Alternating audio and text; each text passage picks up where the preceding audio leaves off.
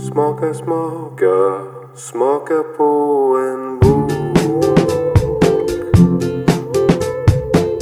Smaka, smaka, smaka på en bok. Hej och varmt välkommen till Boksmakarna. Hos oss får du provlyssna böcker. Jag heter Jonas och veckans bok är Mona skriven av Dan T. Selberg. Uppläsare är Martin Wallström. På vår hemsida boksmakarna.se hittar du mer information och aktuella erbjudanden. Missa inte heller intervjun med Dan T. Selberg som kommer nu på fredag.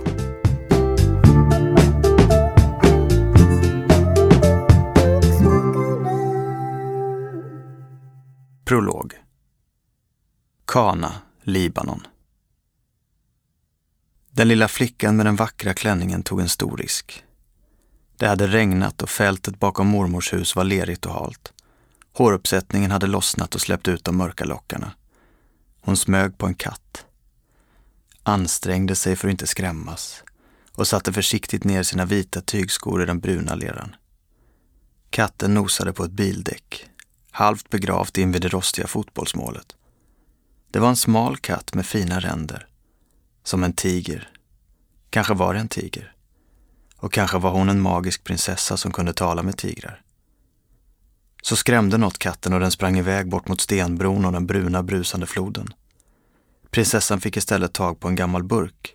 Nej, det var förstås ingen burk. Det var tigerns lilla tigerunge, övergiven i leran. Hon torkade noga av den med sin klänning. Mamma brukade träffsäkert kalla henne för kameleonten. Fick hon bara lite tid på sig lyckades hon alltid få sina kläder att se ut som marken där hon lekte. Just idag hade mamma och mormor varit för upptagna i köket för att se att hon sprang ut på fältet i den nya turkosa klänningen. Till skillnad från klänningen var burktigern nu ren och fin. Men hungrig. Tigrar är alltid hungriga. Hon tryckte burken mot bröstet och halkade iväg över fältet. De båda kvinnorna tittade förfärat på den smutsiga flickan som andfådd kom in i köket. Mormor, jag behöver genast en skål med vatten. Elif ställde ifrån sig en rykande plåt med nygräddade sambusekpiroger. Vad du behöver är inte bara en skål, du behöver ett helt badkar. Hon skrattade och tittade på Nadim, anade sin dotters kommande utbrott. Det gjorde även Mona, plötsligt medveten om sitt leriga tillstånd. Mamma, bli inte arg. Jag har hittat en tigerunge och den är hungrig. Mona höll ena handen innanför klänningslivet och sträckte uppfordrande ut den andra mot Elif som gav henne en bit pirog. När flickan matade sin skyddsling gled klänningen upp och Nadim fick en glimt av tigen. Rummet svajade till. Hon var tvungen att gripa tag i köksbänken för att inte tappa balansen. Min älskling, den där tigen är väldigt farlig. Den kan bita dig. Stå alldeles stilla. Mona log lyckligt, glad över att mamma var med på leken. Nadim sköt instinktivt undan sin mor. Även hon såg vad Mona höll i famnen och började be. Nadim drog sig långsamt närmare sin dotter. Kan jag få tigen? Mona skakade trotsigt på huvudet. Hon är bara lugn hos mig. Hon blir så lätt rädd. Hennes mamma har övergivit henne. Nadim kunde inte hålla tillbaka tårarna. Mona var det vackraste som fanns. Hennes älskade dotter. Kanas underverk. Med darrande röst upprepade hon. Ge mamma tigern nu. Annars blir mamma arg. Tokarg. Mona såg sin mammas tårar. Hon flyttade oroligt blicken till mormor. Hörde hennes böner. Så sträckte hon fram handen med tigerungen.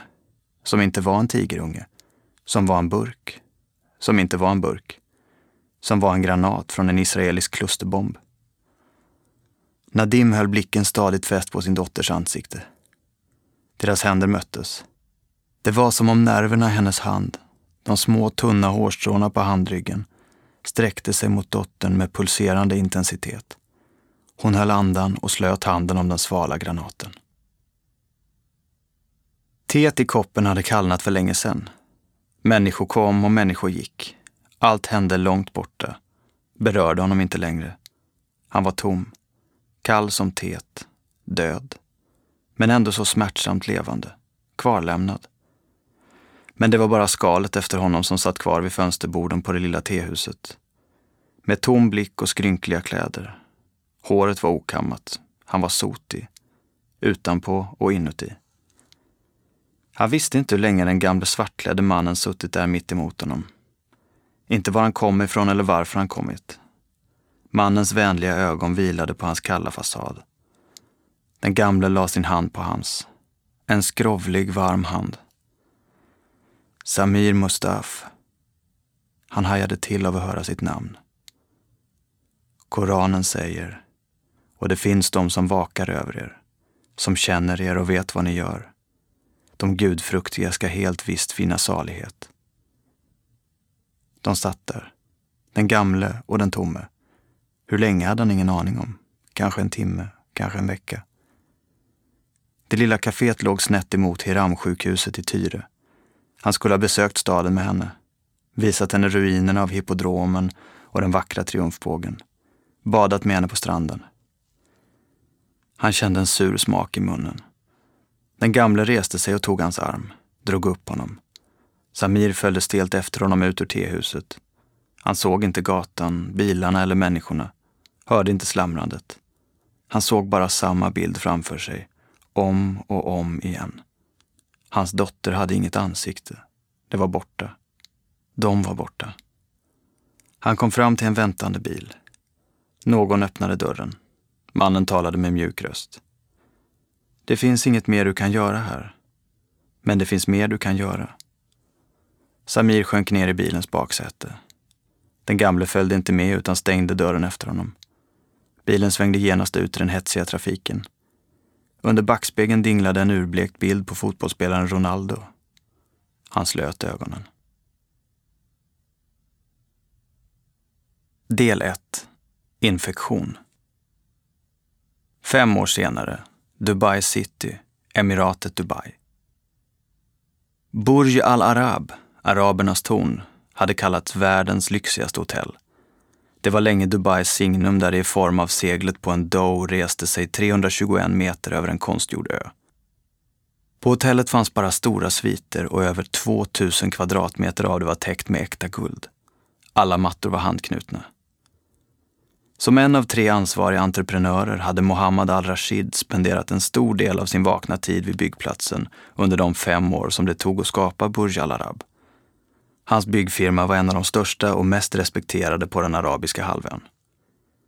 Mohammad hade tillbringat mycket tid på hotellet även efter att bygget var avslutat.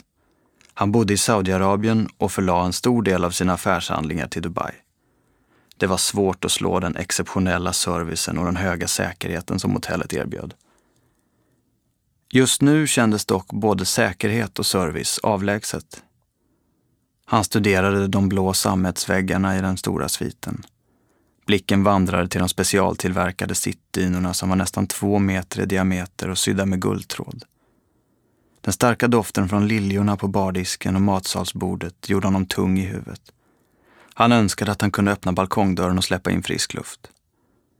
Den stora tv-skärmen visade ljudlösa semesterorter och lyckliga turister med breda leenden. Han förlorade sig i en reklamfilm för Disney World. Tanken på familjen fick det att vända sig i magen på honom. Eller var det den starka doften från liljorna? Han undrade vad barnen gjorde. Bunjamin satt säkert och tittade på tv. Läxorna borde vara klara sedan länge. Lilla Asra låg och sov. Mohammad var inte en person som grät. När han nu kände den salta smaken av tårar i munnen försökte han minnas när det senast hade hänt. Kanske var det när Bunjamin opererades. Försiktigt torkade han sig med sin svettiga hand i ansiktet. Han kom åter och tittade på henne. Hon var inte lång, under 1,70. Kortare nu när hon tagit av sig de högklackade skorna. Han studerade hennes små fötter som skimrade svagt i grått av de tunna strumpbyxorna. Benen såg starka ut. Den mörka kjolen satt tajt. Hon hade tagit av sig kavajen och knäppt upp tre knappar i blusen. Eller var det han som hade knäppt upp dem? Han såg den svarta kanten på behån mot den mörka hyn. Han svalde. Hur kunde han ens tänka på sex i detta läge? Han flyttade oroligt blicken till hennes ansikte. Hon var vacker. Det var inte lätt att säga nej till de där mörka ögonen. Samtidigt var det något som inte stämde. En buckla i den välpolerade lacken. Näsan. I sig en fin näsa, men den såg sned ut. Bruten. Det gav hennes mjuka ansikte ett hårt drag. Ett slags egensinnig korsning mellan en boxare och en modell. Hon tycktes vara helt ointresserad av honom där hon satt uppkrupen i den stora fåtöljen, nonchalant bläddrande i Vanity Fair. Fingrarna var smala och naglarna var vackert manikyrerade. För att vara 55 var Mohammad al-Rashid i god fysisk form. Han tränade dagligen styrketräning. Hans kropp väckte kvinnornas intresse. Han visste att den inte undgått henne. Inget undgick henne. Med dessa förutsättningar borde han lätt kunna resa sig från sängen, slå henne sönder och samman och sen bara gå från rummet. Det som hindrade honom var att han inte var bunden. Hade han varit det skulle han kämpat sig loss och kastat sig över henne. Hon hade varken tejpat hans handleder, bundit honom eller satt på honom något handfängsel. Denna späda kvinna, inte mer än en och en halv meter ifrån honom, såg honom alltså inte som ett hot. Mohammad hade en bra intuition och svaret på maktbalansen fanns i hennes blick. Hon hade berättat vem hon var och beordrat honom att sätta sig på sängen. Där satt han fortfarande, två timmar senare. Halsen var torr, ryggen värkte och så hade han börjat få baksmälla. Hon slängde ifrån sig tidningen och tittade på klockan. Ska vi släppa in lite luft? Hon talade en felfri arabiska. Han nickade tacksamt. Hon reste sig och gick i strumplästen bort till balkongdörren. En varm bris svepte genom rummet. Sidorna i Vanity Fair fladdrade och doften från liljorna blandades upp med eukalyptus. När han studerade kvinnan som tände en cigarett på balkongen ville han skratta. Skratta eller gråta. Vad väntade hon på? Hennes Blackberry låg tyst på bordet vid fåtöljen. Hon hade kontrollerat den flera gånger. Nu tycktes hon bara stå där ute och drömma. Han sneglade mot dörren på andra sidan rummet. På några sekunder skulle han vara ute. Men hon kanske inte var ensam. Stod det vakter utanför? Det skulle förklara varför hon var så lugn. Kanske hinner du, Mohammad. Kanske inte. Han ryckte till och fann henne på huk vid sin sida. Han hade inte hört henne komma. Hon var så nära att han kände värmen från hennes andedräkt. Tobaken. Hon satt stilla. En katt redo till språng. När han inte rörde sig utan bara tyst sänkte blicken reste hon sig och återvände till fåtöljen. Han tänkte tillbaka på kvällens middag. Tidigare i veckan hade han fångat upp ryktet om ett stort kontorsbygge. Den japanska handelskammaren letade mark till ett kommersiellt handelscenter för asiatiska företag. Han visste att intresset för arabiska affärsmöjligheter var stort i Asien. I dessa tider när de arabiska företagen och bankerna kämpade med för hög belåning och sinande likviditet var det extra intressant med utländska projekt. Han hade därför ringt runt och fått veta att det var en konsult, en kvinna från Abu Dhabi vid namn Sara Al-Jemud, som fått upphandlingsuppdraget. Det tog honom tio minuter att få fram hennes uppgifter och efter att han studerat hennes referenser bad han sin assistent att kontakta henne. Han utgick från att hon ändå skulle kontakta hans företag, men ville inte ta några risker. En middag bokades redan nästa kväll i tornets panoramarestaurang Al Muntaha på 27 våningen. Han tittade på henne. Hon tycktes djupt försjunken i tankar. Hon var vänd mot tvn, men blicken var riktad långt bortom den tysta golftävlingen som visades. Hon såg trött ut. Liten. Händerna var knutna. Så hårt att knogarna vitnade. Hon hade väntat på honom när han kom till den halvcirkelformade restaurangen, 200 meter över vattnet. Inredningen var futuristisk och från bordet vid ett av de stora fönstren kunde de se Jumeirah-stranden och de konstgjorda öarna Palm och World. De hade ätit en god middag och sen flyttat över till baren och de djupa sammetsfåtöljerna. Mohammed brukade säga att han var en pragmatisk muslim. Han var troende, men valde själv bland regelverket. En av eftergifterna var alkohol. Hans arbete gjorde det emellanåt nödvändigt att dricka alkohol med kunder. Det var en eftergift han kunde leva med. Faktum var att han numera drack en hel del även utan kunder. Han hade erbjudit Sara sin favoritchampagne, Louis Roderes Kristall. Hon accepterade villigt. Även hon tycktes vara en pragmatisk muslim. Projektet var omfattande och Sara väl insatt i lokala byggregler och avancerad prospektering. Han hade först varit förvånad över att asiaterna valt en kvinna för upphandlingen. Kvinnor var sällsynta i affärslivet, för att inte tala om i byggbranschen. Men redan efter första timmen med Sara förstod han att hon inte skulle underskattas.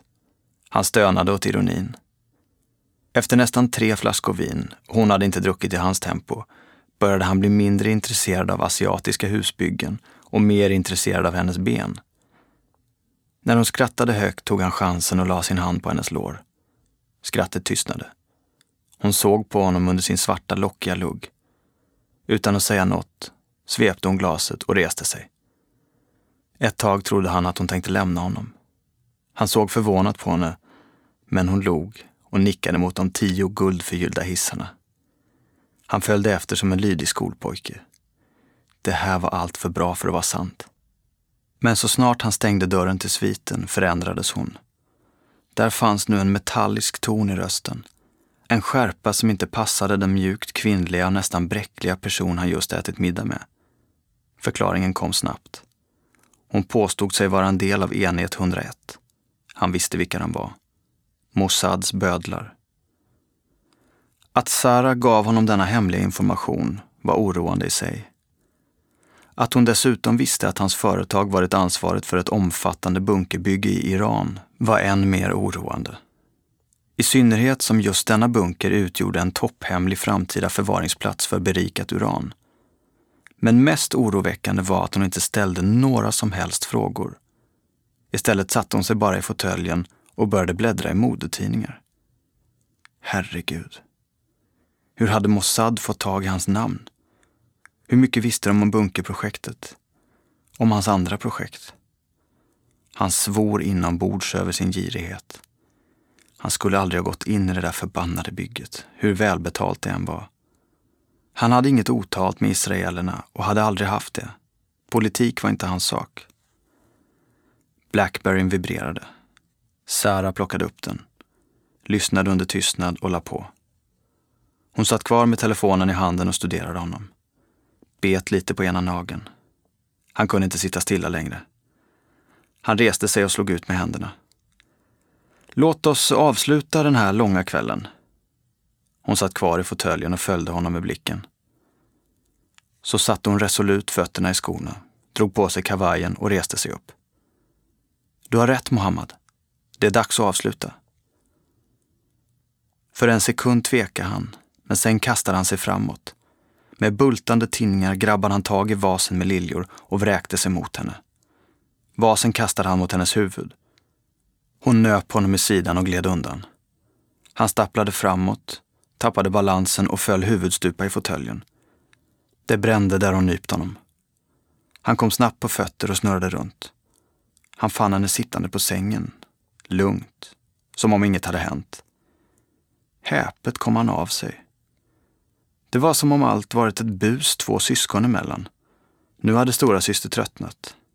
Eller hade hon gett upp? Skulle han springa mot dörren direkt eller ta henne först? Hans vänstra sida gjorde så ont att han hade svårt att stå. Han kämpade emot men sjönk ner i fåtöljen. Ombytta roller. Nu sitter jag här och hon där. Han fick syn på kniven i hennes hand. Det var ingen vanlig kniv, mer som en kartongkniv. Han stönade och rörde vid sidan. Skjortan var varm och blöt. Hon hade stuckit honom i kniven. Hur allvarligt var det? Hon tycktes läsa hans tankar. Jag har punkterat din lever. Du kommer att dö. Tyvärr kommer det göra ont. Det hade inte behövt gå till på det här sättet, men ibland tvingas man improvisera. Din lever släpper nu ut stora mängder blod i bukhålan. Den kan inte dra ihop sig efter ett knivhugg, vilket gör det hela än värre. Dessutom är det levern som tillverkar proteinet som gör att blodet levrar sig. Är den punkterad så... Kort sagt är det inte alls bra för dig. Skadan är inte bra för mig heller eftersom mina order var att ge dig en hjärtattack. Detta skulle inte se ut som ett mord. Det blir svårt att undvika när du har ett hål i levern. Den gnistrande smärtan slukade hans tankar. Jag vill inte dö. Jag har familj, stönade han svagt. Hon reste sig. Jag vet att du har familj. Gläd dig åt de minnen du har och var lycklig över dina gåvor från Gud. Bunjamin och Asra klarar sig. Om du har varit en god muslim kommer din själ hämtas av änglar. Är det inte så? Och om du sen bara svarar rätt på några enkla frågor så skrivs du in i Janna, paradiset, av självaste Allah. Sen är det bara att göra dig hemmastad. Det kommer att göra ont några timmar, men den som väntar på något gott. Jag kan inte hjälpa dig mer. Min roll i detta är över. Hon gick till badrummet och han hörde ljudet av rinnande vatten. Kramperna fick honom att falla framåt på golvet. Han såg den stora mörka fläcken snabbt växa på den tjocka mattan. Tyget luktade damm och rengöringsmedel. Hade han varit en god muslim? Han ångrade sin pragmatiska inställning till islam. Tankarna snurrade. Han såg suddigt. Han måste finna ett sätt att stoppa blodet. Kanske hade han en chans. En kudde, vad som helst att trycka mot såret tills han kunde få läkarvård. Det fanns sjukvårdspersonal på hotellet. Allt fanns på det förbannade hotellet. Sara var hans enda hopp. Han försökte tala men halsen var full med vätska. Han gurglade och hostade. De svarta klackskorna dök åter upp i synfältet. Hon drog upp honom i sittande ställning. Han kräktes. En brunröd sörja sköljde över golvet och fåtöljens ben. Jag kan ge dig en massa hemligheter. Hans röst var skrovlig och svag. Hon satte sig på huk bredvid honom, undvek smidigt allt som läckte ur den punkterade kroppen. Du behöver inte anstränga dig. Vi vet redan allt vi behöver veta. Vi har andra källor. Mitt uppdrag här var att stoppa framtida problem. Du ska inte hjälpa Teheran med fler byggen. Förhoppningsvis blir din efterträdare mer försiktig. Han snyftade. Bunken var en ren affärsuppgörelse. Och jag vet andra saker. Viktiga saker. Hon tittade på sin klocka. Vad är det för viktiga saker? Hon lät uttråkad. Han sökte febrilt i sitt sönderfallande minne. Middagen hos Omar Fatih. Det hade varit en vän till Omars bror där som han inte träffat förut. Vad var det han hette nu igen? De hade haft en diskussion om bunkerbygget. Något annat hade nämnts, något mycket hemligt. Han hade åter varm vätska i munnen, näsan och halsen. Hon reste sig upp.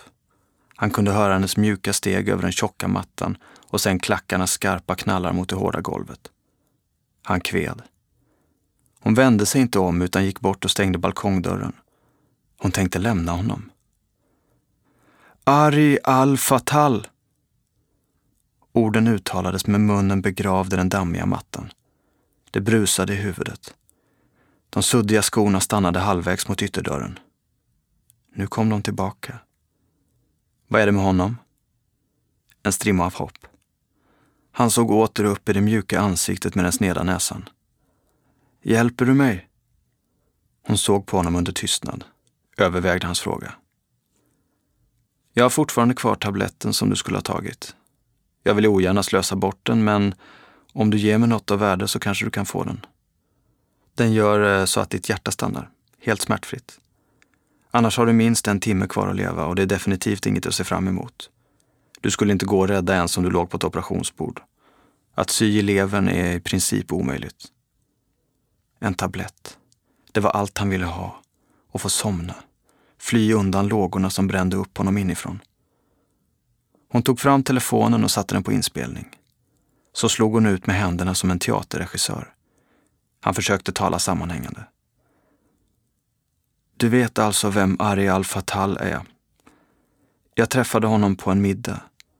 Han försökte få mig intresserad av att vara med och finansiera ett attentat mot Israel. Hostan avbröt honom och för varje attack exploderade tusentals ljus. Bruset i huvudet tilltog. Vad för form av attentat? sa hon otåligt. Någon form av teknisk attack. Ett nytt vapen. Ett virus. Det sista viskade han. Magen fick honom att vrida sig i kramper och när han gjorde det fylldes åter halsen med varm tjock vätska. Han blev liggande på sidan, kraftlöst flämtande som en fisk på land. Hon väntade på mer men såg på honom att han inte skulle klara av att fortsätta. Hon öppnade minibaren bredvid sängen. Tabletten ska tydligen lösas upp i sockerrik vätska för att verka snabbare. Hon rotade runt bland drickorna.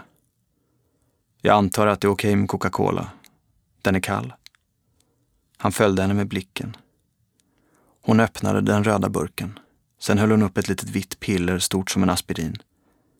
Så skakade hon försiktigt burken för att tabletten skulle lösa upp sig. Han var tyst men kroppen var spänd som en fjäder. Hon hjälpte honom att dricka. Han svalde blod, magsaft och Coca-Cola. Hon la varsamt ner hans huvud på mattan och reste sig upp. Sådär Mohammad. Nu är den här jobbiga kvällen snart över. Är det inte ironiskt att det är den amerikanska nationaldrycken som blir din räddning? Hon ställde den tomma burken på bardisken med en smäll. Därefter gick hon mot ytterdörren utan att vända sig om. Kvar på golvet låg den arabiske magnaten som en konstgjord ö mitt i en stor mörkröd sjö. En fallen miniatyr av Burj al Arab. Med halat segel. Kroppen var inte längre spänd. Hjärtat hade slutat slå efter bara någon minut. Stockholm, Sverige. Det var bara någon halvtimme kvar. När han satt där och väntade slumrade han till. Utskrifterna gled ur mappen och ut över konferensrummets grå stengolv där de bildade ett färgrikt mönster. Han lät dem ligga och försökte hitta en bekvämare ställning i den stela kontorstolen. Genom hans själ rann de vackraste tonerna i världen. Dörren öppnades och där stod en ung ingenjörsstudent med spretigt svart hår och ett ansikte fullt med fräknar. Han sa något. Erik lämnade motvilligt Tosca, men bara halvvägs. iPodens ena hörlur fick sitta kvar. Ville du ha en cancerkola eller en riktig coke? Erik himlade med ögonen. Om det är light du menar så ja, tack. Och cancersnacket är bara blaj. Ingen har mig veteligen dött av att dricka Coca-Cola. Studenten försökte att inte låtsas om utskrifterna som täckte golvet. Okej, professorn, jag ställer den vid talarstolen. Erik nickade. Så lutade han sig tillbaka. Med is och citron, tack. Han satte in hörluren och arian återgick till stereo. Han tänkte på den kommande föreläsningen. Sekretariatet hade meddelat att det var ett hundratal anmälda. Dagens anförande var en grundläggande genomgång av hans forskning och därmed välkänt vatten. Han visste var grynnorna fanns. Tosca hade anlänt till fängelset och sjöng nu för sin dödsdömde konstnär. Amor che seppe a te vita serbare. Vår heta kärlek återger dig livet. Erik lämnade tankarna på föredraget och drev över till nattens sammandrabbning. Han hade djupa rivmärken under den vita skjortan. De hade älskat. När Hanna het och skälvande mumlat fram ett nej och försökt skjuta honom ifrån sig hade han stretat emot, fortsatt. Hon hade känt att han var på väg och försökt värja sig. Som var deras överenskommelse. Men han hade varit drogad av hennes doft, berusad av hennes svettiga hals, inte kunnat, inte velat lyda. När det var för sent hade hon hållit honom tätt intill sig, tagit emot honom. När han sedan flämtande vilat med ansiktet begravt i hennes hår hade hon gråtit. Först bara ett tyst snyftande, sen av ren förtvivlan. Din jävel. Ditt förbannade jävla svin. Hon hade klöst honom. Den fräknige studenten dök upp i dörröppningen. Erik slängde en blick på klockan och nickade. Han stängde av mitt i finalduetten, reste sig och följde efter det spretiga håret den korta promenaden bort till F2-aulan. Det första han såg när han klev upp på scenen vid talarpodiet var att någon, förmodligen fräknarna, klistrat fast Cancerfondens logotyp på hans glas med Coca-Cola light. KTH-humor. Sålet i salen tystnade. Han harklade sig och lät blicken vandra över publiken. Han kände inte igen någon i den, men så hade han heller inte haft mycket kontakt med eleverna under det senaste året. God lunch. Mitt namn är Erik Söderqvist och för 17 år sedan gick jag det fyraåriga civilingenjörsprogrammet med fokus på datorteknik. Efter det har jag fortsatt att fördjupa mig inom scientific computing. För fem år sedan doktorerade jag inom BCI, Brain Computer Interface, alltså samverkan mellan dator och hjärna. Sen ett drygt år tillbaka leder jag ett forskningsprojekt som vi kallar Mindsurf. Ett tvärvetenskapligt arbete som fusionerar världsledande neuroforskning med vår mest avancerade IT-teknik. Vi samarbetar med Karolinska institutet och Kyoto University och mitt team har ett flertal patentansökningar inom området. Förhoppningsvis är ni lika sålda på det som jag är när mina 45 minuter är över. Det var tyst i lokalen. Erik tog upp den trådlösa kontrollen och tryckte fram sin första bild. Hjärnan rymmer över 100 miljarder nervceller. Antalet synapser, eller kontaktpunkter där nervimpulser överförs från en nervcell till en annan, klarar vi inte av att räkna. Dessa synapser spinner med hjälp av nervtrådar ett nätverk av enorm kapacitet. Drömmar, minnen, känslor, rörelser, intryck processas i ständigt pågående synteser. Trots att hjärnan är ett av vår tids största forskningsområden vet vi fortfarande mycket lite om vår biologiska superdator. Ett klick och en ny bild. Idag lever vi allt längre och hälsosammare liv. Mycket tack vare banbrytande framsteg inom såväl medicin som teknik. Vi har potentare mediciner, vi har avancerade redskap som pacemakern, proteser och en rad mer eller mindre komplexa hjälpmedel för handikappade. Under det senaste decenniet har vi också blivit bättre på transplantationer. Vi har börjat se möjligheterna med genforskning och stamcellsodlingar. Men alla dessa framsteg innebär fortfarande ingen förändring för de miljontals människor som lider av svåra hjärnskador. Bilderna visade kända ansikten med kända sjukdomar. Bara i USA finns det fler än fem miljoner människor med permanenta hjärnskador. Två miljoner förlamade, en miljon med Parkinson och en miljon blinda. Dessutom 20 miljoner döva. Utöver dessa finns strokepatienter och människor med andra relaterade problem, som depression. Många av dessa sjukdomar och skador baseras på en oförmåga hos hjärnan att tolka intryck och utföra muskel och nervkommandon. Detta tar sig uttryck i blindhet, en oförmåga att kommunicera, en partiell eller fullständig förlamning. Erik tog en klunk läsk och blinkade till den fräknige studenten som satt på första raden. Processorn i en dator påminner på många sätt om den mänskliga hjärnan. De arbetar båda med binära system som kommunicerar via impulser. Likheterna gör det möjligt att kombinera dessa system. I konvergensen mellan dator och människa finner vi lösningar på en rad nämnda problem. Detta är mitt kall. Jag arbetar med att skapa tankestyrda datorsystem och datorstyrda tankesystem. Han lät orden hänga kvar i luften en stund innan han tryckte fram en bild på hjärnvågor under en EEG-mätning. BCI-program tolkar neural aktivitet och översätter den till digitala kommandon. Elektroder registrerar tankar som sen, via datorn, kontrollerar exempelvis mekaniska proteser eller digitala kommunikationssystem. På detta sätt kan man återskapa funktioner hos patienter som lider av nedsatt motorik till följd av stroke, ryggradsskador, MS eller ALS. Förlamade kan styra olika typer av hjälpmedel och röra sig med hjälp av proteser. Möjligheterna är oändliga. Erik startade en filmsekvens. Det ni ser här är en apa som lärt sig att styra en robotarm för att få mat. Apan kontrollerar armen via en joystick. Apan har också fått ett BCI-implantat i hjärnan som tolkar de elektrofysiska signaler som skapas varje gång hon utför en rörelse med joysticken. Här kopplar forskarna nu ur joysticken. Ni ser att robotarmen trots detta fortsätter att hämta mat till apan. Hur är detta möjligt? Det var tyst i salen. Jo, apan vet inte att joysticken är urkopplad och fortsätter därför att styra den med sina tankar. BCI-systemet läser av dessa tankar och konverterar dem till digitala kommandon motsvarande joystickens. Apan fortsätter att hämta mat, men nu endast med tankens hjälp. Ett brus gick genom publiken. Detta är en tidig version av BCI. Idag har vi kommit betydligt längre.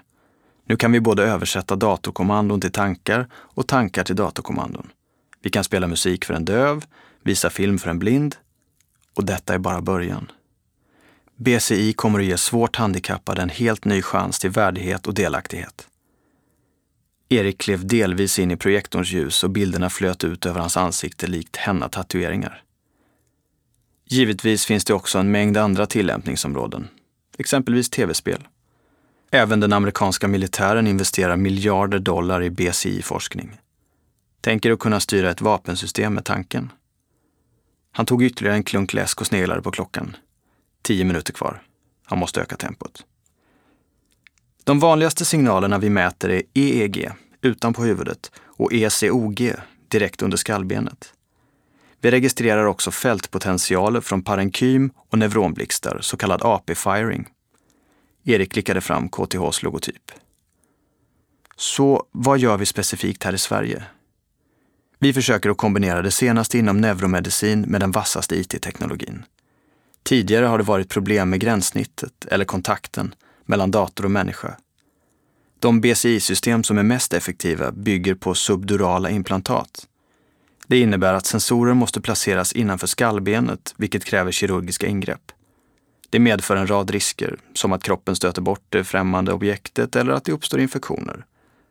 De system som tidigare använts utanpå huvudet har registrerat mycket svaga alfa och betavågor och därför begränsats till enkla funktioner. Vi har dock tagit fram en helt ny typ av gel för elektroderna. En bild visar en lila fluorescerande geléklump. Vi har forskat tillsammans med Kyoto University för att ta fram denna helt unika substans. Ett gel baserat på nanoteknologi. Det består av mycket små ledande partiklar som tränger ner, absorberas, genom skallbenet. Varje partikel behåller kontakten med nästkommande partikel. Absorberingen kan liknas vid ett nikotinplåsters funktion, men i detta fall bibehålls alltså en ledande förmåga. På så vis skapas en direktkontakt med hjärnan. Se det som en sladd som går genom huden. En nästan lika revolutionerande del av vår forskning är själva sensorhjälmen. Den ser visserligen ut som en badmössa, men den är betydligt mer sofistikerad. Hjälmen består av 50 elektroder som täcker huvudet efter ett vågformat schema. Elektrodernas spetsar tränger in nästan 2 millimeter i huden. Erik såg hur några i publiken grimaserade och skyndade sig att tillägga. Gelet innehåller ett lokalbedövningspreparat som till viss del minskar obehagskänslan av de 50 nålarna. Sensorernas penetration och gelets absorbering ger oss en mycket kraftfull kontakt med hjärnan utan kirurgiska ingrepp. Denna lösning är vi ensamma om i världen och patentansökan är inlämnad. Han kunde inte hålla tillbaka sin stolthet. Ny bild. Vi har dessutom funnit ett sätt att med hjälp av speciellt riktade elektroder och vårt nanogel skapa kontakt med den andra kranialnerven, mer bekant som synnerven. Genom att länka oss till chiasma opticum, synnervskorsningen direkt efter näthinnan, så kan vi sända tredimensionella bilder rakt in i medvetandet. Vår vision med systemet är att vi ska kunna ge helt förlamade, kanske även blinda, en bättre möjlighet att interagera med omvärlden. Vi har slutligen ägnat många tusen timmar åt att utveckla ett styrprogram som tolkar hjärnans samlade signaler. Det första skarpa programmet, Mindsurf, ger oss en möjlighet att surfa på ett tredimensionellt internet. Ett internet som endast finns i sinnet, men som samtidigt är mer färgstarkt och rejält än någonting annat. Vi kommer att kunna kontrollera denna tredimensionella värld med våra tankar. Och det kommer inte ens att krävas någon speciellt avancerad träning för att vi ska klara av detta. Målet är att det ska gå att navigera mindsurf på ren intuition. Någon som vill anmäla sig för att prova? Hundra händer sköt upp i luften. Erik log och la ifrån sig den trådlösa kontrollen. Det jag har visat er här idag är ingen framtidsvision. Det händer här och nu inom ramen för världens bästa institution, den Kungliga Tekniska Högskolan. Tack för er uppmärksamhet. Applåderna exploderade och flera hurrarop hördes i dånet. Erik bugade, tog kolaburken och gick ner från podiet. Tillbaka i konferensrummet fann han sina utskrifter prydligt staplade på bordet bredvid portföljen. Bara att tacka fräknarna. Han plockade ihop sina saker och återvände ut i korridoren. Mobilen visade på tre missade samtal. Två var från Hanna, ett från Jens Wahlberg. Han tog det enkla först. Utanför stod luften stilla. Himlen var ljust blå och solen mycket varm. Han sneddade över den lilla piazzan mot Lindstedts väg och letade i fickan efter bilnyckeln. Jens svarade på andra signalen. Ah, du lever. Erik låste upp sin Volvo XC60 och noterade p-boten på rutan. Varför skulle jag inte leva? Vet du något som inte jag vet? Jens frustande skratt fick den lilla hörsnäckan att spraka. Nja, en fågel, eller rättare sagt en örn, en vacker havsörn, viskade i mitt öra. Erik stönade och körde ut på drottning Kristinas väg. Du har pratat med Hanna? Jens harklade sig. Jag har pratat med Hanna. Herregud, Erik. Efter det samtalet övervägde jag att gå ner till redaktionschefen och be dem göra om kvällens löp. KTH-professor lever under dödshot. Erik skakade på huvudet och grimaserade av smärtan från rivsåren på ryggen. Valhallavägen var tjock med trafik. Vad sa hon? Inte avslöjar väl jag all skit du snackar? Det förtroendet gäller åt båda hållen. Men hon var besviken. I princip säger hon att du försöker tvinga till dig ett barn. Och det bara för att låsa in henne i ett äktenskap som borde ha hamnat i bajamajan för länge sedan. Sa hon bajamaja? Nej, men du fattar. Vad håller du på med? Erik blev arg. Vad visste Jens om hur det var? Som hans bäste vän borde han stötta honom istället för att predika. Han hade tillräckligt av det hemma. Jens var också Hannas vän, men framför allt var han en man. Män borde hålla ihop. För Jens var alltså lätt. Han svävade högt över slagfältet, fri att driva med vilka vindar han ville. På det avståndet blev alla konflikter små och abstrakta. Men nu handlade det om verklig lojalitet. Och då fick han för fan välja sida. Jens röst hördes från högt uppe bland molnen. Kompis, är du kvar? Jens, detta är svårare än du fattar. Du lever ditt singelliv mitt i kvällspressvärlden, utgår alltid från Aftonbladets ytliga historier med tydliga rubriker. Men nu handlar det om mitt liv, om verkliga känslor, långt bortom topplistor över Sveriges största silikontuttar. Aj, aj, den tog. Erik ångrade sig direkt. Det där vet du att jag inte menade. Jag är bara så jävla trött på allt. Jag har alltid varit säker på vart jag är på väg, men nu snurrar kompassen. Jag är pressad på jobbet, jag har tappat greppet om Hanna. På något vis har vi tappat bort varandra. Ena dagen är det hur bra som helst, andra dagen är det världskrig. Kanske har jag tappat bort mig själv. Jens var tyst en stund. Det är därför din kompass snurrar. Du har tappat kontakten med Nordpolen, med ditt magnetfält. Erik log trött. Ja, nog är hon Nordpolen alltid. Minus hundra grader. Erik, du vet att hon lika gärna kan vara het som, som den där lilla ettriga pepparen. Jalapeno. Nordpolen eller inte, hon har alltid varit din stabilisator. Och nu är hon lika sliten och förvirrad som du. Ni behöver kanske en time-out? Lite tid från varandra? Du vet ju att kompasser fungerar lika bra oavsett avstånd till polen. Rött ljus. Erik lutade huvudet mot ratten. Kanske är det så. Men avstånd skrämmer mig. Bara tanken på att inte sova bredvid henne och inte träffa henne varje dag, även om vi mest grälar. Så länge vi grälar finns det åtminstone ett engagemang. Och vi har fortfarande fantastiska stunder mellan grälen. Ökar vi avståndet kanske vi tappar det lilla som finns kvar. Vi kanske inte hittar tillbaka. Det klunkade i luren. Jens drack kaffe. Vem vet? Men som ni har det nu gör ni bara saker värre.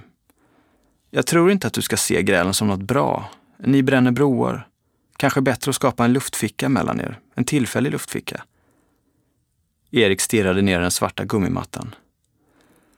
Jens, kan vi ses imorgon? Jag behöver någon som lyssnar. Självklart, givet. Vi tar en lång lunch. Alla Jens luncher var långluncher. Jag har ett jobbigt möte med en investerare på förmiddagen. Vet inte riktigt när jag blir klar, men sen... Jag bokar. Ett på Rish. Jag väntar tills du kommer. Och du, ring Hanna. Samtalet bröts. Erik satt kvar med pannan mot den varma läderratten. Hanna var hans raka motsats. Han var helsvensk. Hon var judinna med hela Europa i sina ådror. Han var alldaglig, hon var vacker. Han var tankspridd och introvert. Hon var strukturerad och en social motor utan motsvarighet. Hon kände allt och alla. Varje helg var de uppbokade på middagar och bruncher. Alltid på hennes initiativ och med minutiös planering. Likadant med semestrarna. De bokades och planerades från början till slut. Erik följde mest bara med utan att ta några egna initiativ. Det var åtminstone vad hon brukade fnysa åt honom när de grälade. De träffades på KTH när de gick sina grundprogram. Idag var hon IT-chef för TBIs, Trusted Bank of Israels, svenska kontor. Hon var aktiv i judiska församlingen och ordförande i KTHs vänförening. Hon hade alltid en full kalender. Var befann hon sig nu? Troligtvis på banken. Han drog sig för att ringa. Bilen bakom tutade ilsket. Ljuset hade slagit om till grönt och var redan på väg tillbaka till rött. Han stampade på gasen och han precis förbi. Den arga föraren blev kvar. Hej, detta är Hanna Schultz Söderqvist på TBI. Lämna ett trevligt meddelande så lovar jag att ringa upp. Han la på. Tabriz, Iran. Det kunde ha varit vilket affärsmöte som helst. Där satt fyra män, två på var sida om det långa ljusgrå konferensbordet. Klädseln var formell. De två närmast fönstren bar mörka kostymer och slips. De två närmast dörrarna bar dishdashor, vita långa skjortor och gutra, den traditionella muslimska huvudbonaden. Framför dem stod diverse koppar med kaffe och te. Där fanns karaffer med vatten och körsbärsjuice, en stor fruktskål och två vattenpipor. På bordet låg flera dokument utspridda och vid ena kortsidan stod en laptop. Det luktade rakvatten och kaffe. Solen lyste starkt genom de stora fönstren. Långt under dem bredde El Goli-parken ut sig och i bakgrunden, dallrande i värmen, Tabris hustak och vägnät. Luftkonditioneringen var högt ställd och rummet var kyligt. En av männen i kostym var Ari Al-Fatal. Han talade som en van säljare, noga med att hela tiden söka bekräftelse hos Enes Al-Twairi, en av de vitklädda mittemot. Ari var påläst och kunnig. Hans budskap energiskt och storslaget. Enes nickade intresserat. Det hörde till ovanligheterna att han var den som lyssnade. Som styrelseordförande och huvudägare i oljekoncernen Al-Twairi Petrol Group var han en av Saudiarabiens mäktigaste affärsmän. Han hade fördömt Israels existens och liksom sin vän, den iranske presidenten, förnekade han förintelsen. Till New York Times hade han sagt sig vara stolt över attacken mot World Trade Center. FBI hade dock konstaterat att han trots sina fundamentalistiska åsikter inte utgjorde något direkt hot. Han var inte terroriststämplad. Mannen bredvid honom, Ahmad Waisi, kände FBI inte till. Detta trots att han var en av initiativtagarna till det islamistiska terrornätverket Al-Jihad, av många ansett som den styrande delen av al-Qaida. Som ung hade han studerat till imam och idag var han något av en frilansande jihadist. Även Ahmad satt tyst och studerade männen i kostym. Han var trött på att lyssna till Aries gälla röst. Han visste redan allt om projektet och behövde inte höra säljpresentationen. Hizbollah hade för första gången i sin snart 30-åriga historia lyckats åstadkomma något bra. En nyckelrekrytering. Men nu hade de inte finansiering för att göra något av det. Ari var anlitad av dem för att hitta finansiärer. Han var en pajas. Ahmad koncentrerade sig istället på mannen som satt bredvid Ari. Han såg hopsjunken ut där han satt. Kostymen var för stor och slipsen illa knuten. Ahmad visste allt om denna person. För honom var det avgörande att alltid veta. Benranglet i den skrynkliga kostymen var just nu ett av Hizbollahs farligaste vapen. Han såg undernärd ut.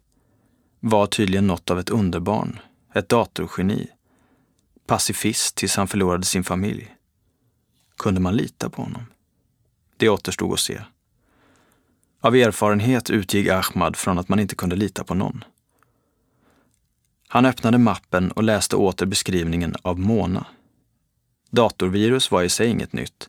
Det hade funnits i olika former i över 20 år. Tidigare kända virus hade i grunden varit enkla program, ofta med en kod på under 400 byte. Mona, som var på 20 megabyte, var något helt nytt. En kraftfull hybrid mellan två viruskategorier. En mask och ett virus. Masken fungerade som transportör av själva viruset. Den tog sig in via säkerhetshål där den sedan klonade sig.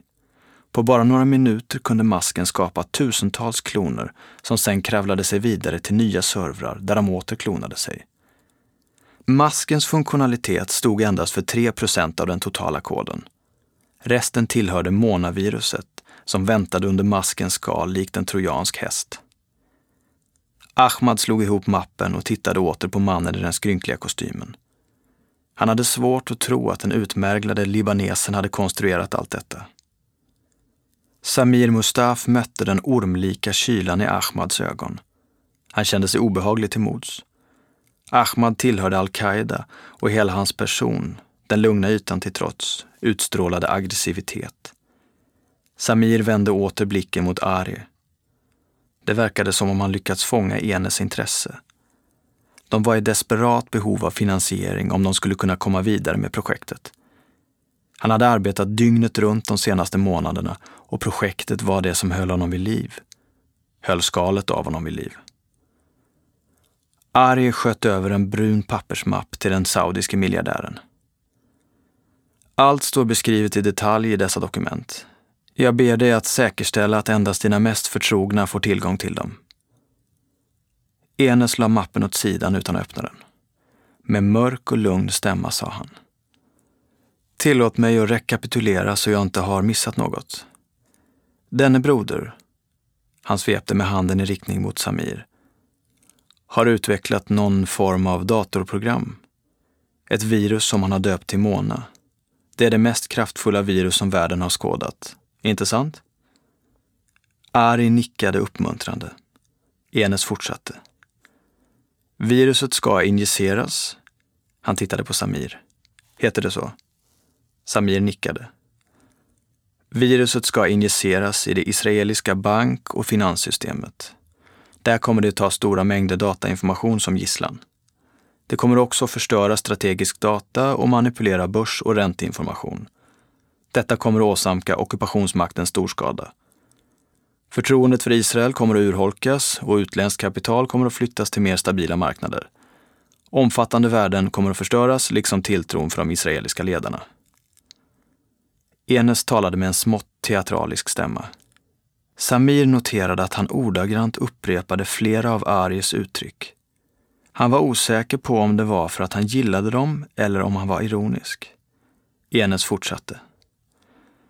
När så denna turbulens är som värst träder Hizbollah fram och erbjuder ett antivirus.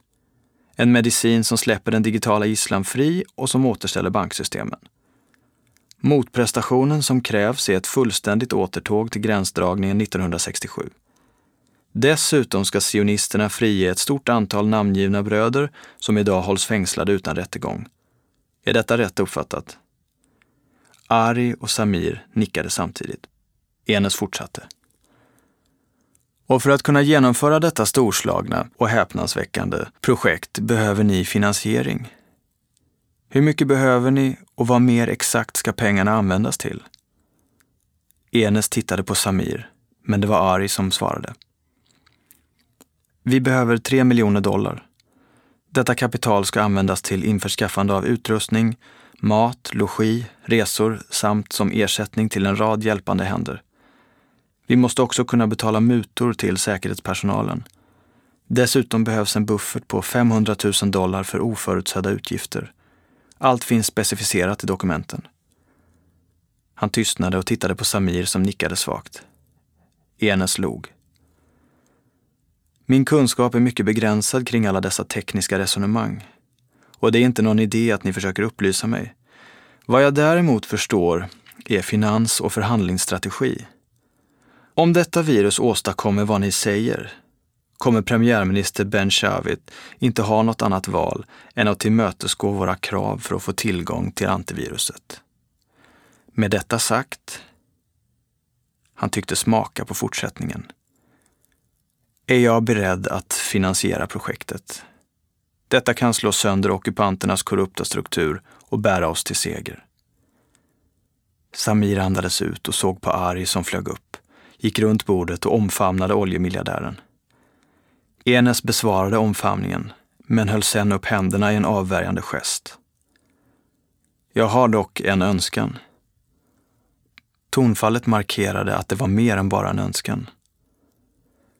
De intressen jag representerar, mig själv inkluderad, hyser ett stort förtroende för denne man. Han la armen om Ahmads axlar. Han har visat en stor beslutsamhet och ett genuint engagemang för vår kamp. Jag vill därför att han deltar i detta ärofyllda projekt. Ahmad släppte inte Samir med blicken. När han talade var det med en förvånansvärt mjuk och låg röst. Jag vill först tacka Enes Al-Twairi för detta förtroende. Jag vill också berömma dig, Samir Mustaf, för din kunskap och lojalitet. Och dig, Ari Al-Fatal, för att ni lyckades med rekryteringen av denne begåvade broder. Ari log, men det fanns något nervöst i hans ögon. Er plan är välformulerad. Jag tror dock inte att det räcker med det tv-spel ni föreslår, hur bra det än må vara. Han rullade snabbt en penna mellan fingrarna. Samir följde pennans vandring från utsidan av handen till insidan och tillbaka. Effekten var hypnotisk och han fann det svårt att släppa pennan med blicken. För att det fantastiska Mona verkligen ska ge oss den seger vi alla eftersträvar borde datorattackerna kombineras med utvalda shahider. Insatser i den verkliga världen. Insatser som förstärker destabiliseringen. Ari tog en klunk vatten, harklade sig och såg på Ahmad. Shahider, alltså martyrer. Mot vilka mål? Ahmad stirrade på bordskivan framför honom. För de som väljer förnekelsens väg har vi kedjor och järn och en flammande eld i beredskap. Koranen säger också han innesluter likväl den han vill i sin nåd. Men för de orättfärdiga ska det inte finnas någon beskyddare och ingen hjälpare på domens dag. En tystnad sänkte sig över rummet. Ahmad slöt sina ögon och Samir tyckte sig se att han tyst viskade ytterligare ett korancitat. De smala läpparna rörde sig. Enes harklade sig när tystnaden drog ut på tiden. Ahmad öppnade åter ögonen och låg mot dem. Allah känner himlens och jordens dolda verklighet. Men det finns något ni ännu inte känner till. Något som kommer att ge oss seger. Alla tre såg de spänt på Ahmad som självsäkert lutade sig fram i sin stol. Minns hur Caesar hade Brutus vid sin sida, litade på honom, lyssnade på honom och hur Brutus dräpte honom när tiden var inne. Hans smala pekfinger pekade på dem en efter en. Minns hur den grekiske spionen Sinon låtsades vara kvarglömd slav och övertalade trojanerna att ta in den stora trähästen med Odysseus gömda krigare innanför sina murar. Han la händerna på bordet med handflatorna upp och sänkte rösten. Är det inte passande att datorvirus ofta kallas trojanska hästar? I detta viktiga angrepp har vi med Allahs hjälp lyckats frambringa vår egen Sinon. Och även denna gång ska han hjälpa oss att föra in vårt gift innanför de otrognas murar. Alla tre tittade på honom med en blandning av fascination och förvåning. Ahmad nickade eftertänksamt som för att låta orden sjunka in. Han fortsatte. En organisation vars namn ingen av er behöver känna till har under lång tid investerat stora resurser och tagit stora risker för att få in en rättroende i den högsta sionistledningen. Denna person, låt oss lämpligen kalla honom Sinon, är idag en av premiärminister Ben Shavits närmaste män och en del av regeringens innersta krets. Ben Shavit lyssnar till honom. När tiden är inne, när viruset och våra kompletterande militära åtgärder sätter skräck i landet, när våra bröder från Hizbollah framställer sina krav i utbyte mot botemedel, då ska Sinon förmå honom att gå med på dem. Som en av hans mest förtrogna kan han påverka hans beslut. Det blir början på slutet för sionisternas förtryck. Ett Israel på knä. Samir var tagen. Det fanns alltså en man på insidan, närmast premiärministern. En Sinon. Han studerade Ahmad som rest sig och nu stod tillsammans med Enes och diskuterade lågmält. Det var något obehagligt med Ahmad. Han skulle nu bli en i gruppen. De hade varit ett litet team som levt tillsammans dygnet runt. Skulle Ahmad hjälpa dem? Skulle han kontrollera dem? Han hade krävt att de skulle utföra fysiska attentat i Israel. Om han läste Ahmad rätt skulle attackerna riktas mot civila. Samir sköt undan bilderna som dök upp i huvudet och återvände till projektet. Arbetet var hans enda flykt från minnena som annars höll honom vaken nätterna igenom. Med finansieringen klar och med Sinons hjälp kunde de verkligen lyckas. Även om Ahmad skrämde honom fanns det också något övertygande och kraftfullt hos honom. Mona var ännu inte färdigt. Det var inget vanligt dussinvirus. Det var ett mästerverk. En egen livsform skapad för ett enda syfte. För att komma vidare behövde Samir besluta om en lämplig gateway. Den port genom vilken viruset skulle ta sig in i det centrala banksystemet. Han hade övervägt flera alternativ, men just nu lutade åt den mest internationella av Israels banker, TBI. De skulle behöva information om bankens brandväggar, systemspecifikationer och nätverksstruktur. Genom bankens nätverk kunde Mona sedan komma åt Israels samtliga finansiella system. Samir hade en kontakt på TBIs kontor i Nice. En gammal ungdomsvän från hans år i Toulouse som idag arbetade som chef på bankens lokala kreditavdelning. Han var muslim men de kunde inte räkna med hans stöd. Vänskapen var dock en bra start. De måste vara på plats i Nice och behövde därför ett ostört boende. Men det var inte hans ansvar. Ari skulle sköta det. De gick därmed in i en mer operativ fas och fler skulle få kännedom om deras identiteter och planer. Samir skulle göra ingrepp i hårt bevakade nätverk, vilket skulle lämna spår och aktivera larm. Riskerna skulle öka, men han kände ingen oro inför det. Vad som än hände skulle det bara drabba hans skal. Det han däremot oroade sig för var att något skulle hindra honom från att slutföra projektet. Att Mona inte skulle hinna placeras i det israeliska banknätverket. Han hade svurit över hennes brända kropp. Svurit att hon skulle få sin hämnd. Därefter återstod bara återföreningen. De väntade på honom i paradiset och när tiden var inne skulle han ge sig av till dem. Han huttrade till av den kyliga luften i konferensrummet. Han skulle tillbaka till Frankrike. Ett helt liv hade passerat sedan han lämnade landet för över 20 år sedan. Här i nordvästra Iran kändes Frankrike oändligt långt borta och hans väg mycket oviss. Stockholm, Sverige. Mats Hagström tog ett äpple från fruktskålen och bet loss en stor bit. Medan han tuggade studerade han äpplet som ett rovdjur. Han bet loss ännu en bit och tuggade högljutt. Erik satt tyst i soffan mitt emot. Väggarna var fulla av kalanka tidningar Inramade omslag var uppsatta från golv till tak i det stora konferensrummet. Det började med det första numret i september 1948 och fortsatte till moderna utgåvor.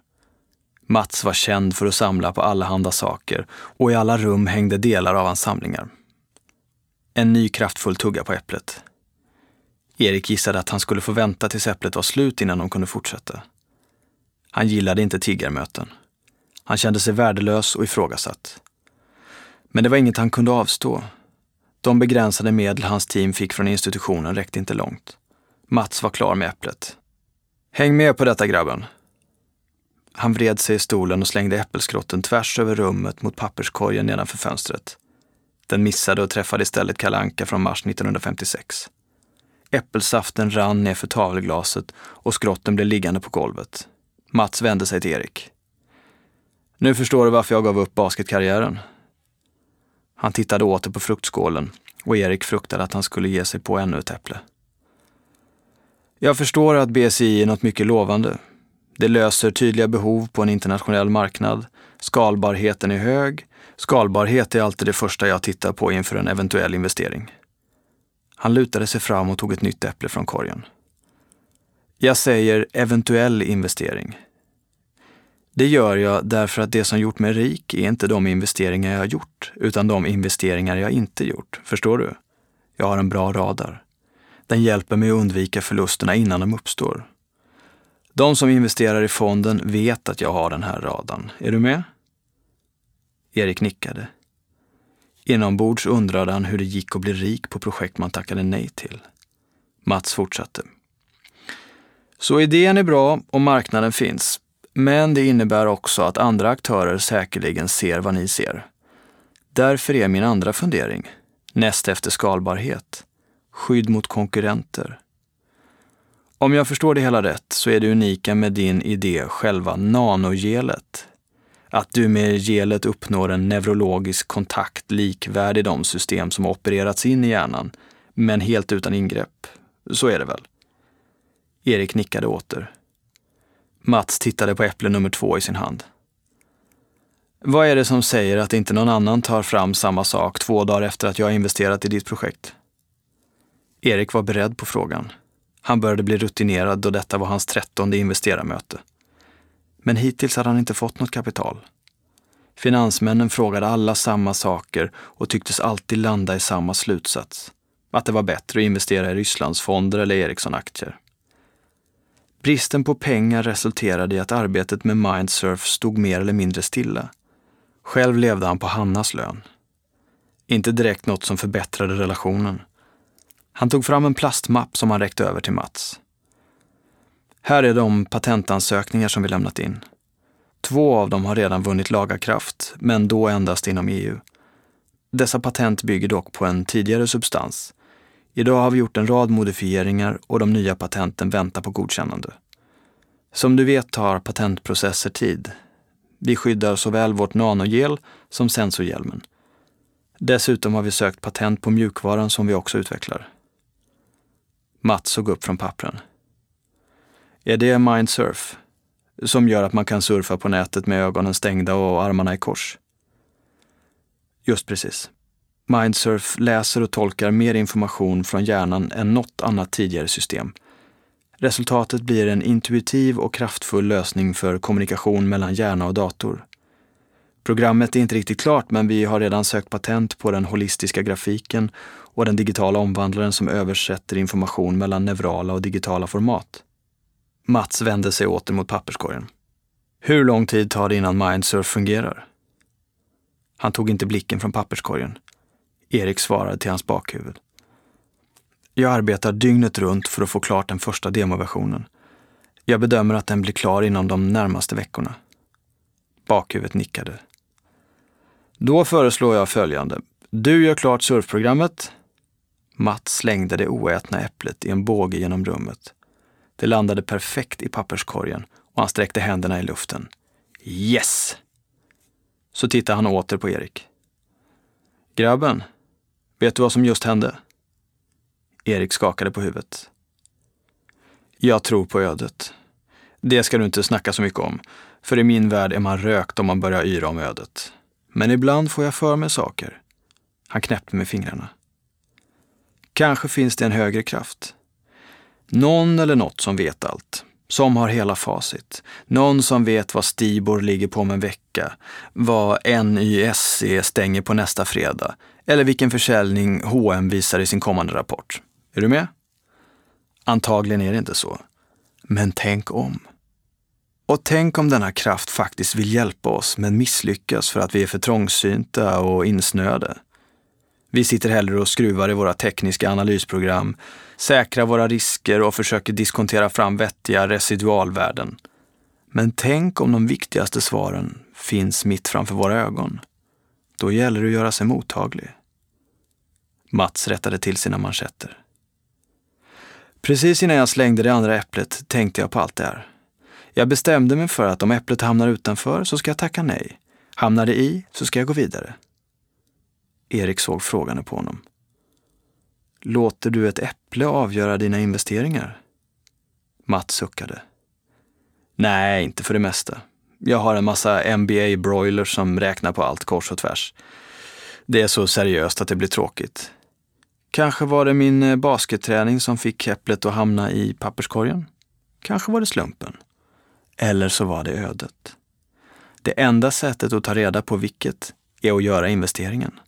Om det går åt helvete så kan vi utesluta ödet.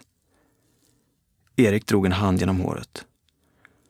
Så du vill investera i vårt projekt? Ja, visst. Och då i enlighet med det upplägg som vi diskuterat tidigare. 20 miljoner i fyra delar. Att utbetala allt eftersom ni når uppsatta mål. Men, och det finns ett men, det gör det alltid. Jag väntar med första utbetalningen tills du fått fart på Mindsurf.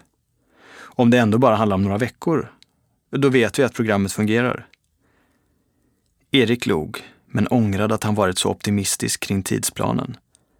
Det kunde lika gärna ta månader innan programmet var klart. Skitsamma, nu var det åtminstone upp till honom.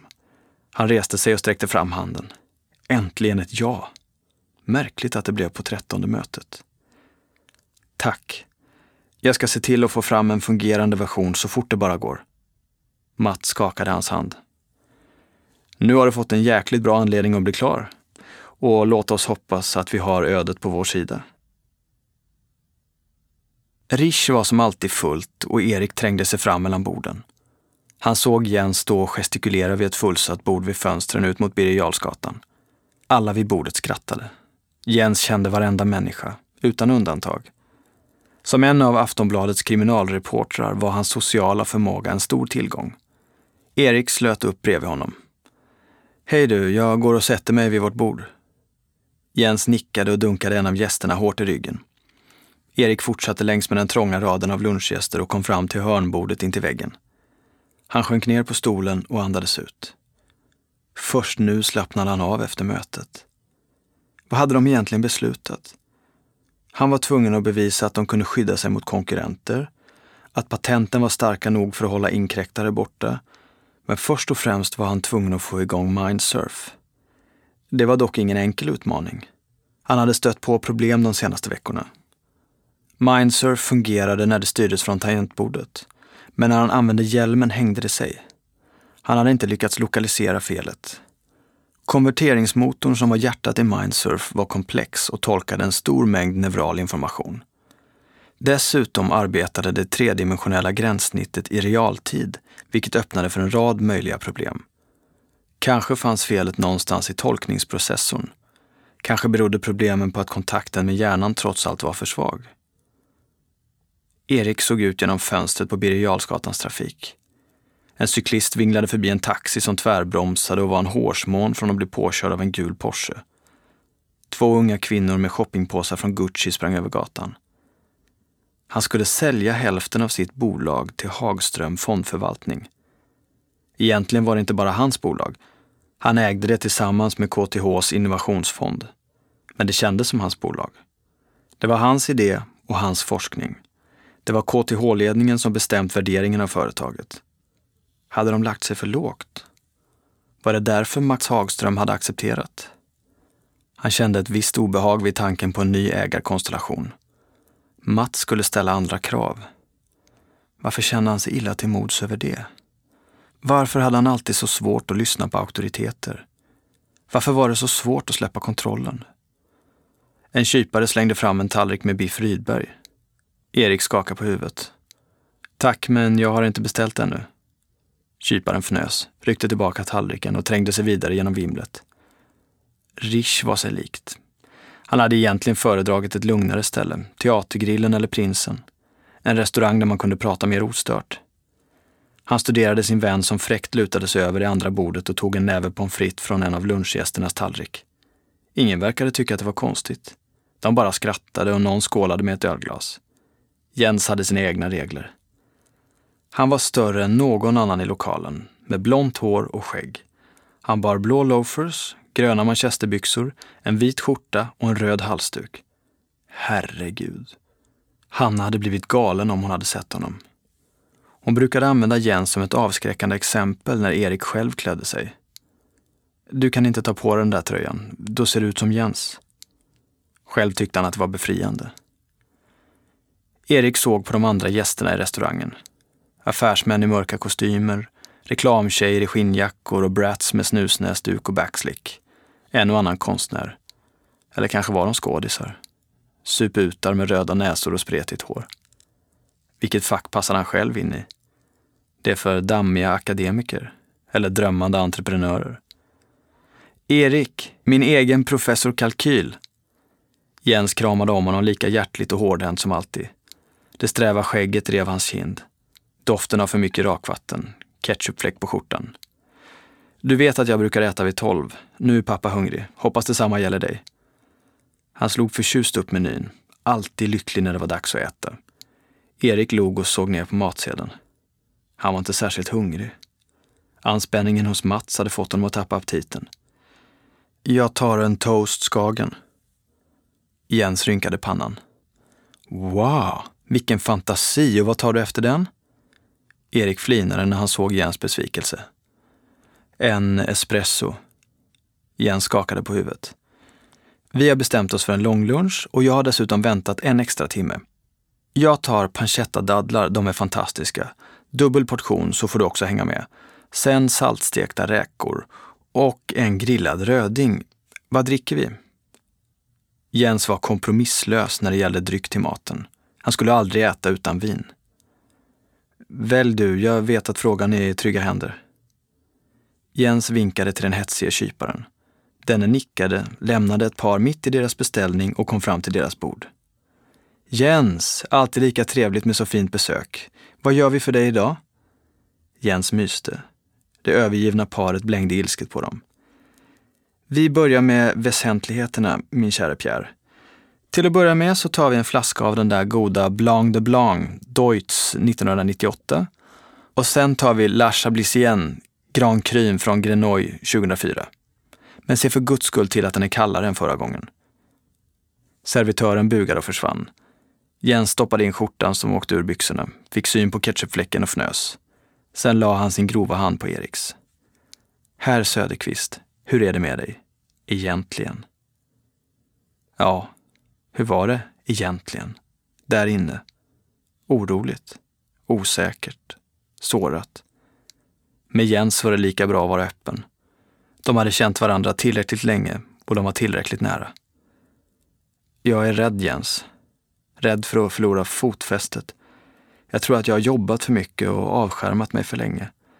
Jobbet blir som en rustning. Jag fäller ner visiret och ger mig ut på slagfältet. Ju tuffare det är med Hanna, ju längre dröjer jag mig kvar där ute, på flykt.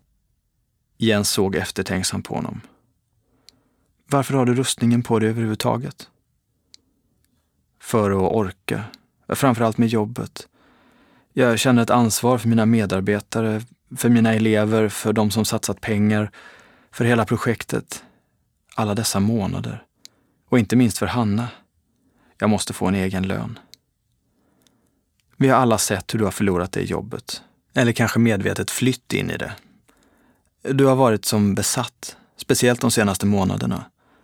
Ärligt talat blev jag förvånad när du ringde tillbaka igår. Det var länge sedan. Om du bara ska leva upp till alla andras förväntningar kommer du att förlora dig själv. Rustningen och du blir ett. Säkert. Hanna känner det och jag känner det. Och kanske har hon också en förbannad rustning. Jens såg bekymrad ut. När slaget är över så är du ensam. Alla är borta. Allt du slogs för har gått förlorat. Champagnen anlände. Jens passade på att beställa maten. Erik tänkte på Hanna. Varför var allt så komplicerat? De hade ofta skojat om att de levde som en vacker kristall, avskilda från alla andra. Men kristallen hade gått i kras. Det var som om de båda, under de senaste veckornas gräl och kanske än mer i tystnaden däremellan, hade passerat en gräns. Jens höll upp sitt glas. Inga fler slagfält. Skål för fred och farewell to arms. Erik smakade på det svala vinet. När vi älskar är det som om rustningen faller av. Det gör mig lycklig. Det är just det som gör allt detta så förbannat svårt. Vi bråkar ena natten och älskar nästa. Ingen tvekan om att ni fortfarande älskar varandra. Det hör jag också på Hanna. Det är kanske är därför ni ska pausa. Förhoppningsvis inser ni då båda två att ni inte vill leva utan varandra. Erik såg över Jens axel att paret vid det andra bordet fortfarande inte fått beställa. Mannen såg ut som han skulle börja gråta. Kvinnan tittade föraktfullt på honom. Förhållanden var inte lätta. Kvinnor var inte lätta. Han drack lite mer av champagnen. Ja du Jens, kanske har du rätt. Jag kan inte alltid ducka för svåra beslut. Jag ska prata med henne. Han kom på sig själv med att räkna på hur mycket mer jobb han skulle få gjort om han inte hade Hanna att ta hänsyn till. Han bytte samtalsämne. Jag fick napp idag. Mats Hagström vill investera i Mindsurf. Jens tittade på honom. Ett tag såg det ut som han inte skulle låta någon smita från Hanna-frågan. Men så sken han upp. Grattis! Matte Hagström, det är ju riktigt tungt. Nu lossnar det. Ja, jag hoppas det. Men det återstår en hel del jobb och med tanke på nuläget, eh, jag kommer att få jobba ännu mer. Kraven och pressen ökar. Hanna är ju redan på väg ut genom dörren. Servitören ställde ner ett stort fat med pancetta-lindande dadlar mellan dem. Jens lyfte genast fatet mot Erik. Min vän, se inte problemen, se möjligheterna. Nu har du åtminstone ekonomin säkrad. Då kan du slappna av. Ät några dadlar. Dröm dig bort till de soliga arabiska öknarna. Där är ju alla dessa funderingar blott viskningar i den mjuka vinden. Tel Aviv, Israel. De tre männen som slog sig ner vid bordet representerade kärnan av Israels underrättelsetjänst. Jakob Nachman, chef för signalspaningsenheten 8200, var sammankallande. Bredvid honom satt David Yassur, operativ chef på Mossad och mittemot generalmajor Amos Dagan, chef för den militära underrättelsetjänsten Amman. De väntade på den fjärde deltagaren i mötet, Meir Pardo, Mossads högsta chef. David Yassur träffade sällan sin chef och när han gjorde det fick han alltid fjärilar i magen. Det irriterade honom, men samtidigt var det inte konstigt. Meir var ingen vanlig man. Han hade fötts på ett tåg i Novosibirsk 1943. Hans föräldrar var överlevare från Förintelsen. När han var nio år gammal utvandrade hans familj till Israel. Meir gick som ung in i militären och blev snabbt antagen hos fallskärmsjägarna. Hans lista med militära meriter var lång och David kände säkert bara till hälften av dem. Meir hade ansvarat för en rad specialförband och underrättelseoperationer. 2002 utsågs han av premiärministern till chef för Mossad. Hans personal avgudade honom. Internt var han känd för att arbeta 18 timmar per dag. Han sov ofta på kontoret, vaknade tidigt, duschade länge i iskallt vatten, åt en yoghurt och jobbade utan rast till sent in på natten. Det var svårt för hans kollegor att hålla jämna steg med hans tempo. David var tillräckligt erfaren för att inte försöka. Han hade andra kvaliteter och han hade familj. Meirs enda kända passion var piprökning och måleri. Han målade med vattenfärger. De få som fått se hans tavlor skvallrade om att han hade en stor talang. Meir klev in i rummet. De tunna glasögonen var uppskjutna i pannan och han stödde sig på en käpp. David grimaserade. Han visste att Meir föraktade ohälsa hos människor, allra mest hos sig själv. Han hade blivit skadad två gånger och tvingades ibland, när smärtan i benet gav sig till känna, att använda en käpp. Det gjorde honom på dåligt humör. Meir grymtade åt de andra och slog sig ner bredvid Jakob som harklade sig. Mina vänner, denna eftermiddag fick jag en rapport vars innehåll jag vill att ni alla känner till. Under de senaste månaderna har vi ökat vårt fokus på sociala medier. Vi har bland annat sjösatt en programvara som jobbar dygnet runt med att läsa bloggar. Den förstår nästan alla världens språk och letar efter mönster och samband som kan tyda på någon form av fientlighet mot Israel. Det är en sorts sökmotor, men till skillnad från exempelvis Google använder den en algoritm som Meir höjde en hand i luften. Jakob, skippa tekniken. Vad har ni hittat? Jakob såg stött ut men fann sig och fortsatte. Vi har hittat flera trådar och mönster som tycks höra ihop. Källorna är ett antal bloggar samt konversationer på främst Facebook.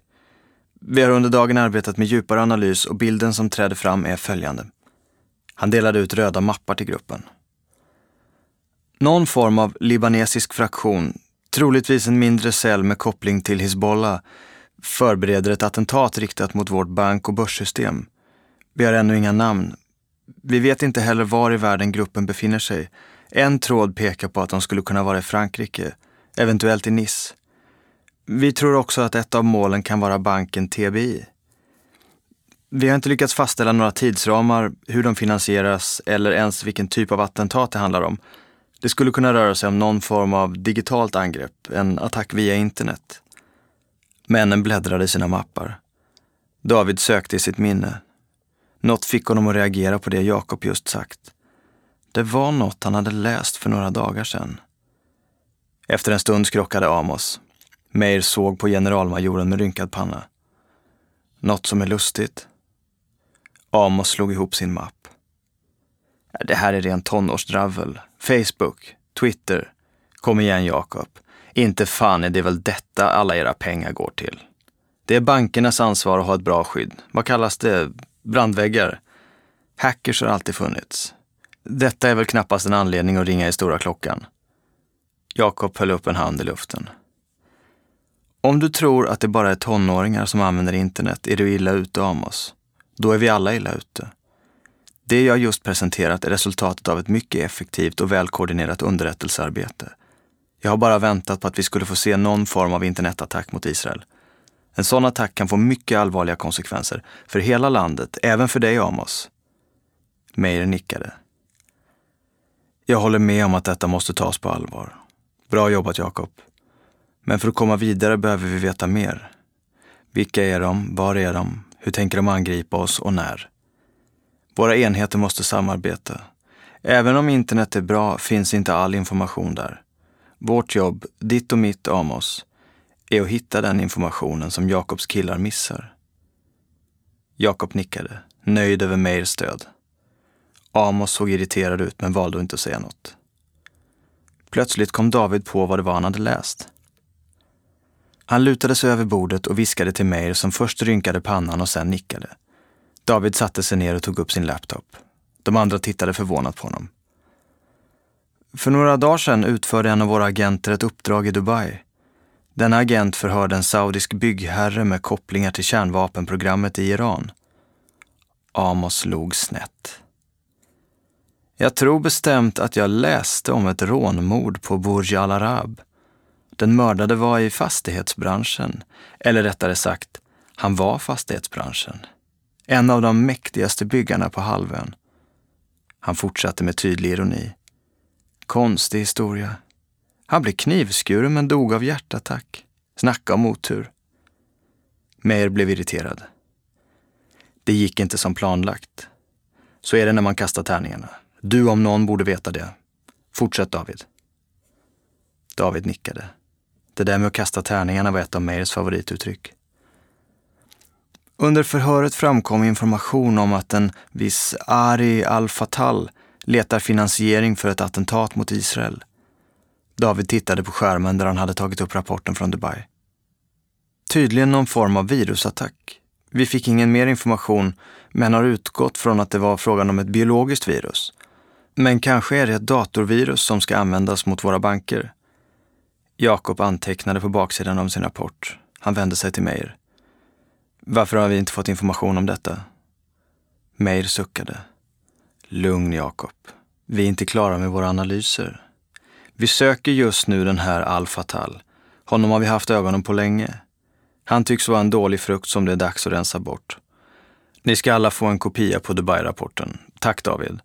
Nu har vi ett namn också och det är dags att informera premiärministern. David såg ut genom fönstret bakom Amos. Judeens kullar. Den glödande solen smälte mot de mörka bergen. Långt där borta öppnade sig Iraks torra öken och bortom den låg Iran med sina underjordiska kärnvapenlaboratorier och ständiga löften om att utplåna staten Israel. Ännu längre bort fanns de oroliga bergsområdena i Pakistan, kontrollerade av hundratals laglösa stammar. Någonstans i det området gömde sig al-Qaidas ledare. En idel hotfull och fientlig värld. Om israelerna vetat om en bråkdel av alla hot som hans organisation dagligen avvärjde skulle de ha svårt att sova på nätterna. Det första de borde göra var att förhöra Rakel Pappo vid enhet 101. Ta reda på vad som verkligen hände på det där hotellrummet i Dubai.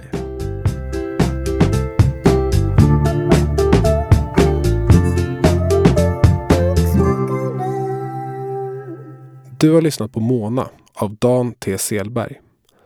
Uppläsare var Martin Wallström och han läser till sidan 52 i boken.